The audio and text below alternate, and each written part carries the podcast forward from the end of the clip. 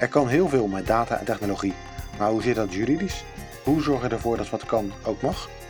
Welkom bij de Nationale Data Podcast van Verdonk, Klooster Associates.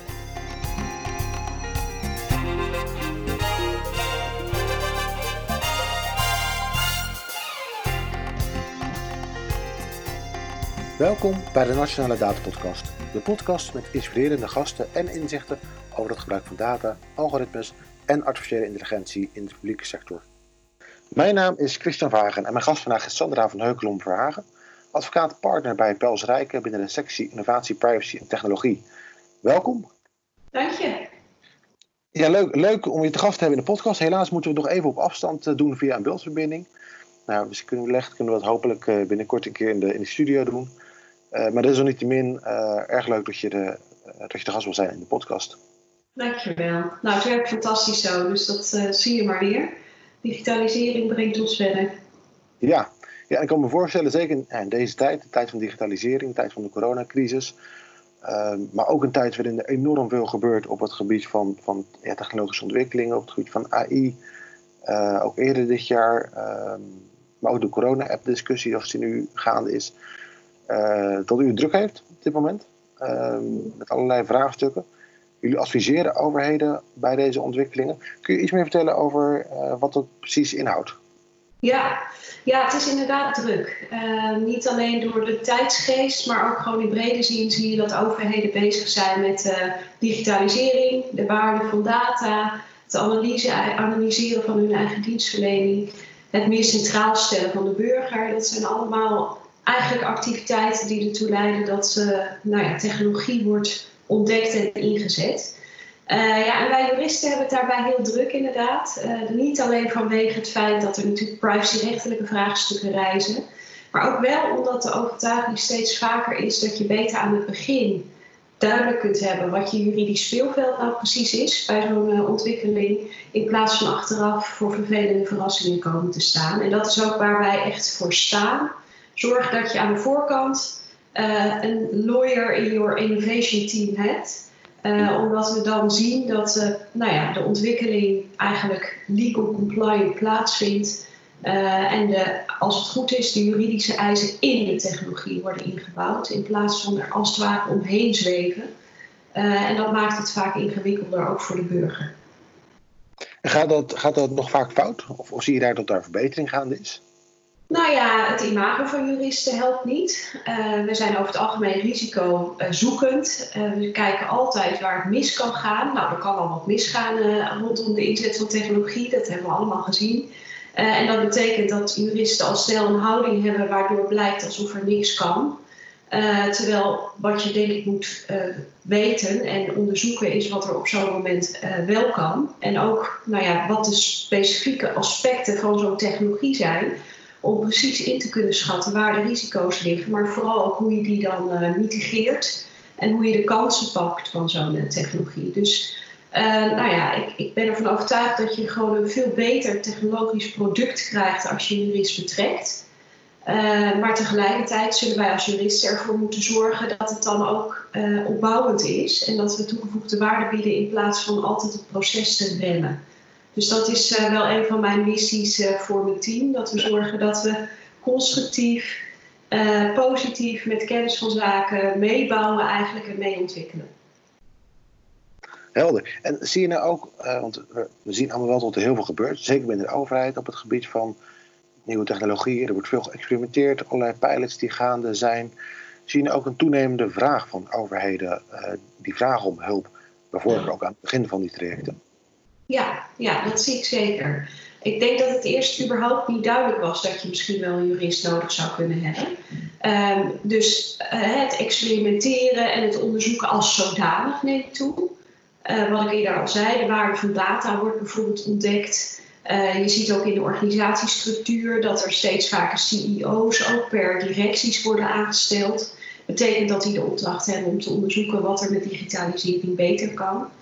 Uh, en je ziet ook dat naarmate die organisatiegraad meer professionaliseert, dat ook er meer nou ja, vanuit de jurist wordt, uh, wordt verwacht.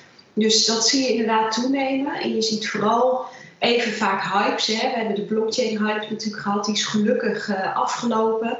En nu zie je wat overblijft, is zeg maar de stabiele, nou ja, goed georganiseerde overheid die nadenkt over de toegevoegde waarde van zo'n applicatie.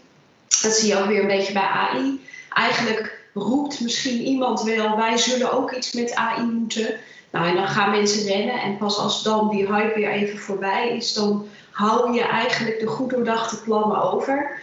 Uh, waar ook meteen met, vind ik, vanuit de overheid met een goed team dan aan uh, wordt gewerkt. Dus je ziet het een vlucht nemen inderdaad. En met die uh, coronacrisis nu natuurlijk ook. Niet alleen in de overheidsdienstverlening die opeens veel digitaler kan. Maar ook met zo'n Appeton waar je het eerder over had. Ja, en zijn, gelukkig zijn we nu een beetje door die blockchain-hype heen. die AI-hype, zitten we daar nog in of is die ook al op zijn retour? Nou, ehm, ik denk dat hij uh, nog bezig is. Uh, niet zozeer, ik denk dat het minder hyperig is dan blockchain. Blockchain was natuurlijk een onbekende, uh, is ook een vrij standalone technologie. Terwijl AI eigenlijk nou ja, door iedere laag of iedere toepassing heen kan lopen. Dus die, dat is wat breder. Um, bij zo'n uh, nationale AI-coalitie zie je wel ook een heel groot deel van de partijen toestromen om eerst eens even te kijken wat er nou precies gebeurt en uh, nou ja, wat AI voor hen uh, kan betekenen. En dat is wel nog enigszins gehyped daardoor. Ehm, ik denk dat heel veel bedrijven ook nog onderzoeken wat hun precies business case dan is rondom de inzet van, van AI. En uh, dan toch de overheden die misschien al een stapje verder zijn, die al door die hype heen zijn en ook ja. goede ideeën hebben om bijvoorbeeld met AI of met andere technologieën aan de slag te gaan. Ja. Met tot zo'n soort vragen komen ze uiteindelijk bij jullie terecht? Ja, heel, heel divers. Eigenlijk eh, de, de belangrijkste vraag is steeds privacy en uh, cybersecurity. Dus hoe zorgen we eigenlijk, teruggebracht naar de maatschappij, dat mensen dit product kunnen vertrouwen? Uh, en dan heb ik het even over iets wat in dienstverlenende vorm wordt aangeboden. Uh, andersom, hè, als het gaat om uh, de inzet van de AI om bijvoorbeeld toezicht te houden of om bepaalde primaire taken in de overheid goed te verrichten, dan gaat het ook steeds om de vraag: ja, hoe ver mag ik nou precies gaan op basis van een specifieke wetgeving voor dit domein? Dus als je met AI iets wil in het domein van bijvoorbeeld openbare orde, om bepaalde patronen in de maatschappij te onderzoeken, dan zal naast die privacyvraag ook de vraag opkomen: wie mag welke informatie nou precies verzamelen? Wie mag welke informatie nou precies analyseren? En wat mag ik nou uiteindelijk met die uitkomst? Dus ook aan de voorkant bij zo'n vraagstuk speelt heel erg de business case een rol, maar dan op overheidsniveau. Als ik nou iets ontwikkel en er komt iets uit wat bruikbaar is, ja, heb ik dan ook nog wel de kans om dat juridisch toelaatbaar te gebruiken? Want het kan misschien daarna als een snoepje in de vitrinekast worden gelegd. Uh, maar als ik er niks mee mag, als ik er niet van mag proeven, ja, dan, dan heeft het ook weinig zin om er investeringen in te plegen. Dus dat zie je nu steeds vaker ook uh, duidelijk worden bij overheden. Dat het niet een ongelimiteerde ontwikkelstrategie uh, kan zijn, maar dat je goed moet nagaan uh, of jij, bij wijze van spreken als burgemeester die de openbare orde in zijn pakket heeft, uh, wel zo'n tool zou mogen gebruiken als die uh, nou ja, goede resultaten oplevert. En, en, zijn dat, ik kan me voorstellen dat het nog redelijk onontgonnen terrein is op som, sommige gebieden. Ja. Um, hoe complex zijn dat soort vragen? Zijn het vragen die gaan over, goh, ja, dat is logisch dat het niet mag, hè? Of, of zijn het vragen die echt wel um, nou ja, waarover te discussiëren valt. Wat, waar ligt nou de grens van wat toelaatbaar is en wat niet toelaatbaar is? Ja, nou ja, wij zijn nu uh, als team twee jaar bezig en ik kan zeggen dat wij nog geen één vraag hebben gehad die al eerder was beantwoord. Uh, dus ja, het is onontgonnen gebied. Uh, en wat, wat je nodig hebt, is een hele brede blik vanuit ons vakgebied dan op die technologie. En dat betekent ook dat je verschillende specialisten moet hebben. Uh, die ook het goede gesprek kunnen voeren. Want anders dan heb je niet uh, nou, de juiste focuspunten. Dus we hebben het over hele specifieke vraagstukken die ik net noemde. Vloeit uit de APV van een gemeente nou de bevoegdheid voort? Dat is als zodanig een enorm complexe vraag. Maar daarnaast rijzen er ook veel morele en ethische vraagstukken die je niet moet vergeten, omdat het adaptieve vermogen anders in je organisatie, overheidsorganisatie of juist bij de burger, nou ja, verloren gaat. Dus ja, het is extreem complex. Uh, als we ook uitzoekwerk doen, we hebben een rapport geschreven bijvoorbeeld over blockchain en de AVG in in de zorg. Nou, dan zijn we 150 pagina's bezig om te onderzoeken ja, hoe die blockchain in zo'n heel specifiek vakgebied nou precies kan en mag werken. Uh, en daar ben ik met vier, vijf mensen dan uh, mee bezig. Dus het is complex. Uh, aan de voorkant om überhaupt in kaart te brengen welke juridische vraagstukken een rol spelen. En het is ook complex bij de toepassing om steeds na te gaan wat kan ik dan doen? Aan welke knop kan ik dan draaien om aan een bepaald juridisch eis tegemoet te komen? Je zei net heel kort ook iets over de, de, de, de ethiek en de moraal van dit soort toepassingen. Ja. In welke mate speelt dat ook een rol eh, binnen jullie werk? Of iets ethisch is of niet? Ja, dat is een goede vraag. Uh, en daar, uh, ik heb daar een tijd geleden op de ECP jaarcongres een lezing over gehad, gegeven. en daar zaten echte ethici, in de zin van hè, opgeleid tot ethicus. en die, die vonden dat wij juristen daar eigenlijk ook zo'n beetje af moesten blijven, dat dat niet ons domein is. Maar als je kijkt, uh, dan zie je dat de achterliggende gedachte van heel veel regels uh, zijn grondslag vindt natuurlijk in, in waarden en normen in onze maatschappij. En die waarden en normen in onze maatschappij, ja, die, die komen eigenlijk weer voort uit wat wij als burgers, als mensen, uh, moreel aan, aantrekkelijk, aanvaardbaar en normaal vinden. Dus als je kijkt naar onze wet en regelgeving, dan wortelt die uh, deels in de ethiek van onze samenleving. En dat is een piramide, noem ik altijd. Hè. De bovenkant is die geschreven wet en regelgeving. Daaronder zitten in bredere zin de waarden en normen. En daaronder als fundament uh, de ethiek, die dus deels ons rechtsgebied uh, ontmoet, maar ook deels andere gedragsgebieden, wetenschappelijke rechtsgebieden, sociologische rechtsgebieden, maar ook, ook het recht. Uh, en ik vond bijvoorbeeld bij die Appeton het een heel mooi voorbeeld. Uh, je kan nog uh, een goed werkende app willen hebben. Ehm, maar de vraag in de samenleving, willen we dit en vinden we dit ethisch toelaatbaar? Die ging eigenlijk die hele Appeton ja, door de hele technische discussie heen. en dat was deels gestoeld in de privacyvraag, het onderbuikgevoel van mensen mijn data is niet veilig bij een overheid die er ook iets anders mee kan. En dat onderbuikgevoel zat er heel sterk in. En deels ook in de bredere morele vraag: willen we technologie wel zo'n grote rol uh, laten spelen bij zoiets belangrijks als volksgezondheid? Uh, en is het niet beter om mensen daarvoor verantwoordelijk te maken? Dus daar, daar ontmoet die ethiek ook de harde normatieve kant zeg maar, van onze samenleving. Mooi, ja, en dat, begint eigenlijk ook bij toch die burger die zich zorgen maakt, uh, al dan niet terecht, over ja, wat gebeurt er eigenlijk met mijn data. Um, nu is dat die vraag, ja, wat is nou eigenlijk mijn data? Dat is ook nog wel relevant. Veel van die ontwikkelingen, uh, ook app, maar ook allerlei ontwikkelingen op het gebied van AI, die zijn data gedreven, die beginnen met data. Ik wel begrepen tot die eigenaarsvraag, hè, wat, wat, is nou mijn data en van wie is data, of, of heeft data überhaupt een eigenaar, tot die, zeker vanuit juridisch oogpunt, behoorlijk complex is. Kun je daar iets over vertellen? Ja, daar kan ik wat over vertellen. Kijk, ik, herken je schets. Hè. Er, is is eigenlijk een soort tegenstelling in de maatschappij. De burger vindt zijn data over hem van hem.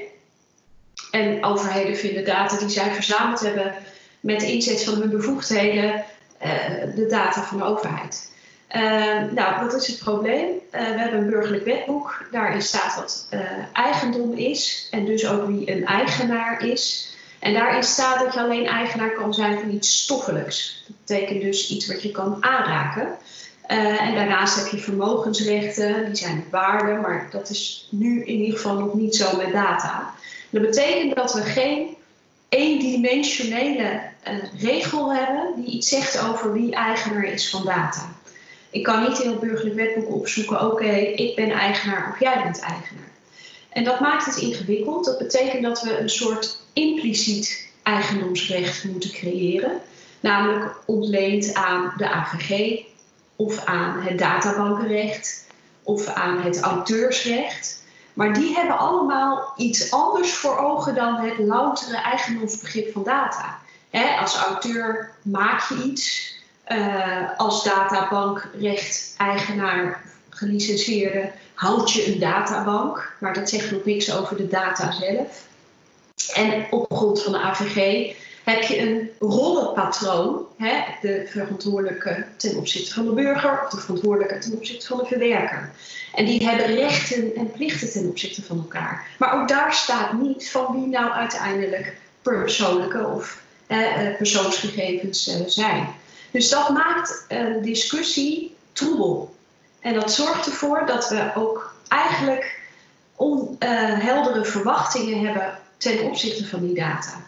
En dat moet volgens mij eerst worden opgelost in Nederland, omdat we dan ook beter weten wat grenzen zijn en wat we over en weer van elkaar moeten en mogen verwachten. En, en is dat iets wat ehm, opgelost kan worden binnen de bestaande wet en regelgeving? Doordat, nee, geen idee, ik ben jurist, hoe je op andere manier gaan interpreteren, of of we daar uiteindelijk een uitspraak over krijgen, of zie je dat er ook een taak ligt voor de wetgever om eens na te denken over hoe gaan we dit nou in het wetboek krijgen? Nou, dat laatste is, is altijd een vraag die ook door ons wel wordt gesteld als we projecten doen. Hè. We zoeken ook steeds naar de ruimte in wetgeving. Kijken daarnaast moeten we iets adviseren over aanpassing van die wetgeving. We zagen dat bij regie op gegevens bijvoorbeeld. Hè, een van de programma's van de, van de Rijksoverheid. En de gedachte van dat programma is: jij en ik moeten regie krijgen op onze eigen gegevens. Dat betekent dat we zelf kunnen zorgen dat onze persoonlijke data terechtkomt bij een partij die er wat aan heeft. Dus dat betekent als ik een NS-abonnement moet gaan afsluiten en NS heeft allerlei informatie nodig uit verschillende kanalen, dat ik poortjes kan openzetten of zelf over die data even kan beschikken om ervoor te zorgen dat die NS op de juiste manier, met de juiste bewijzen ook, uh, data ontvangt.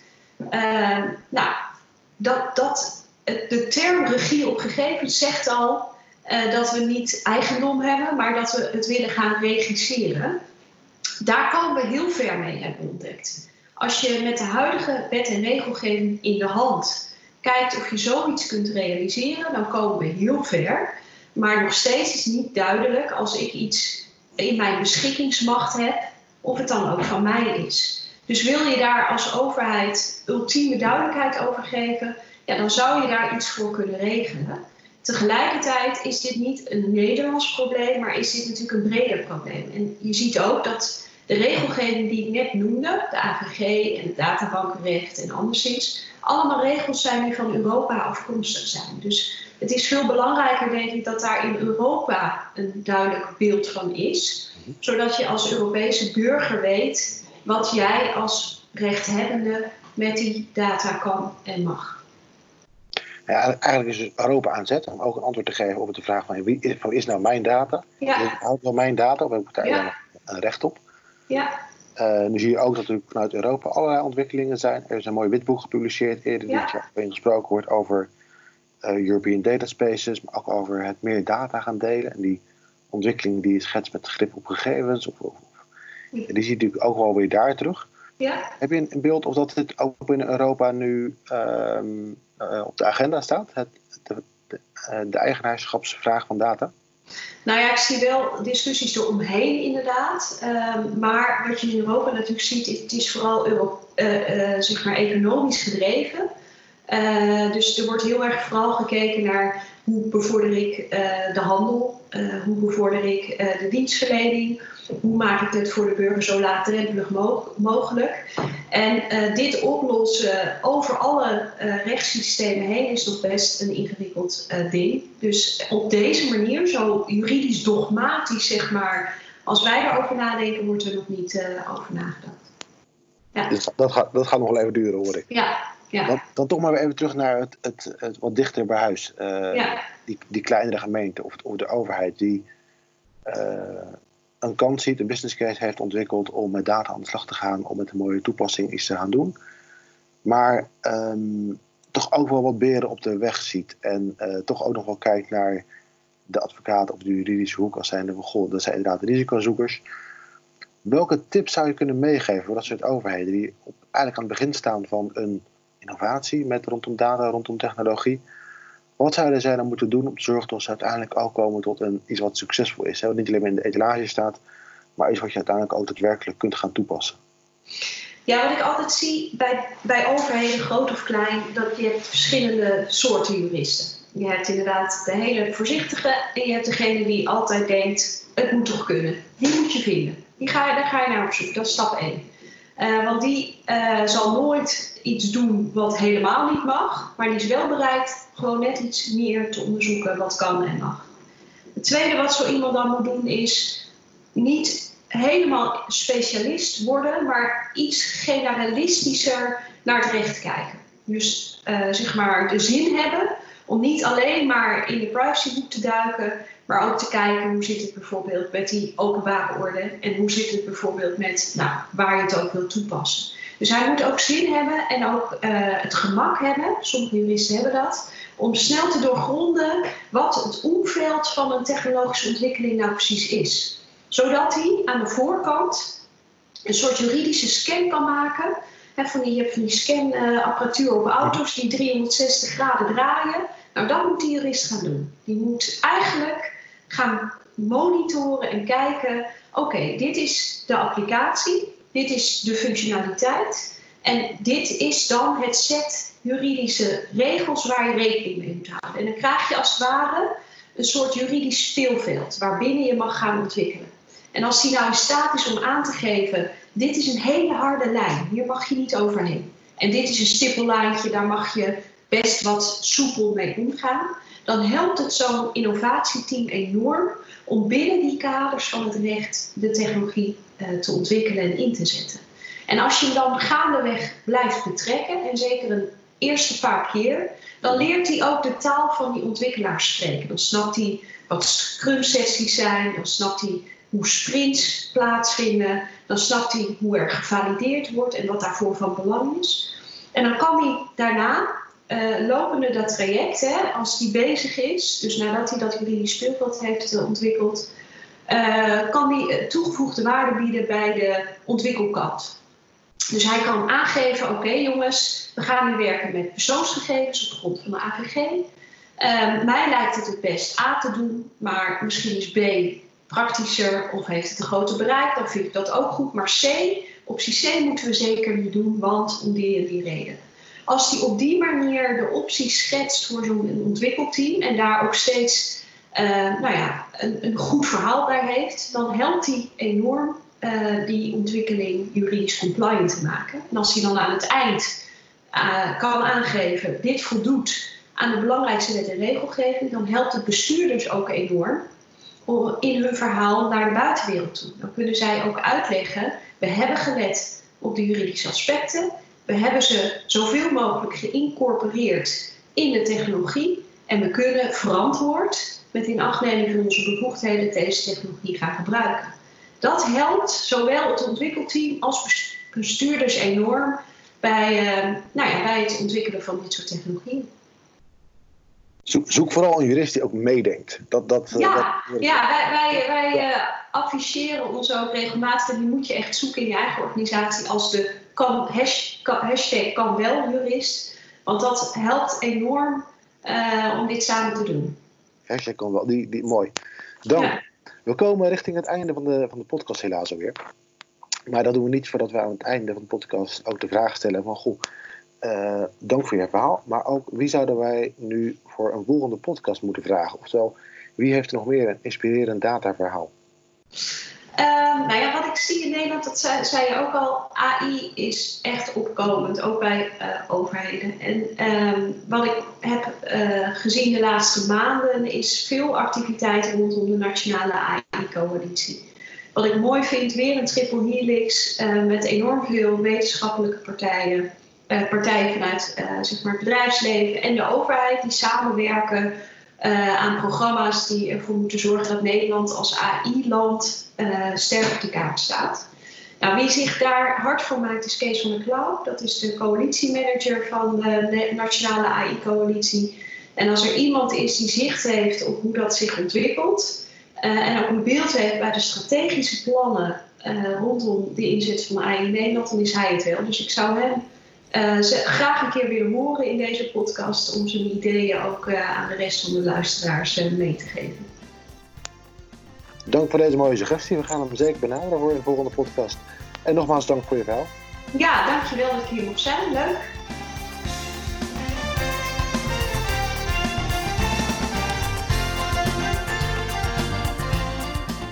Hiermee zijn we aan het eind gekomen van deze aflevering van de Nationale Data Podcast.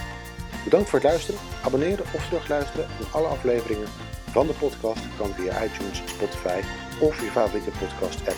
Tot een volgende keer.